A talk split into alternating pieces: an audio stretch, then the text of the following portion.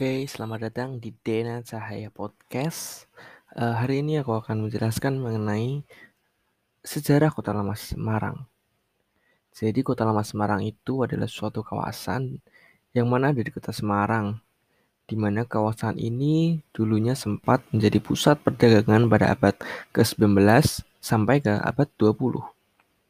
Pada masa itu untuk mengamankan warga dan wilayahnya, VOC membangun benteng di kawasan itu yang dinamai Benteng Vihuk.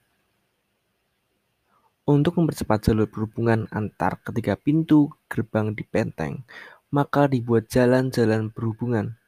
Jalan utama di dalam benteng dinamai Herenstraat. Saat ini bernama Jalan Legend Suprapto. Salah satu lokasi pintu benteng yang ada sampai saat ini adalah jembatan Berok yang disebut The Sweeter Port. Luas kawasan ini sekitar 31 hektar.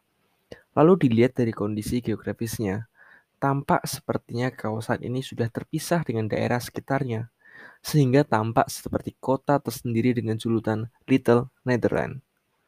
Kawasan Kota Lama Semarang ini merupakan saksi bisu sejarah Indonesia, masa kolonial lebih dari dua abad, dan lokasinya sekarang berdampingan dengan kawasan pusat kegiatan ekonomi.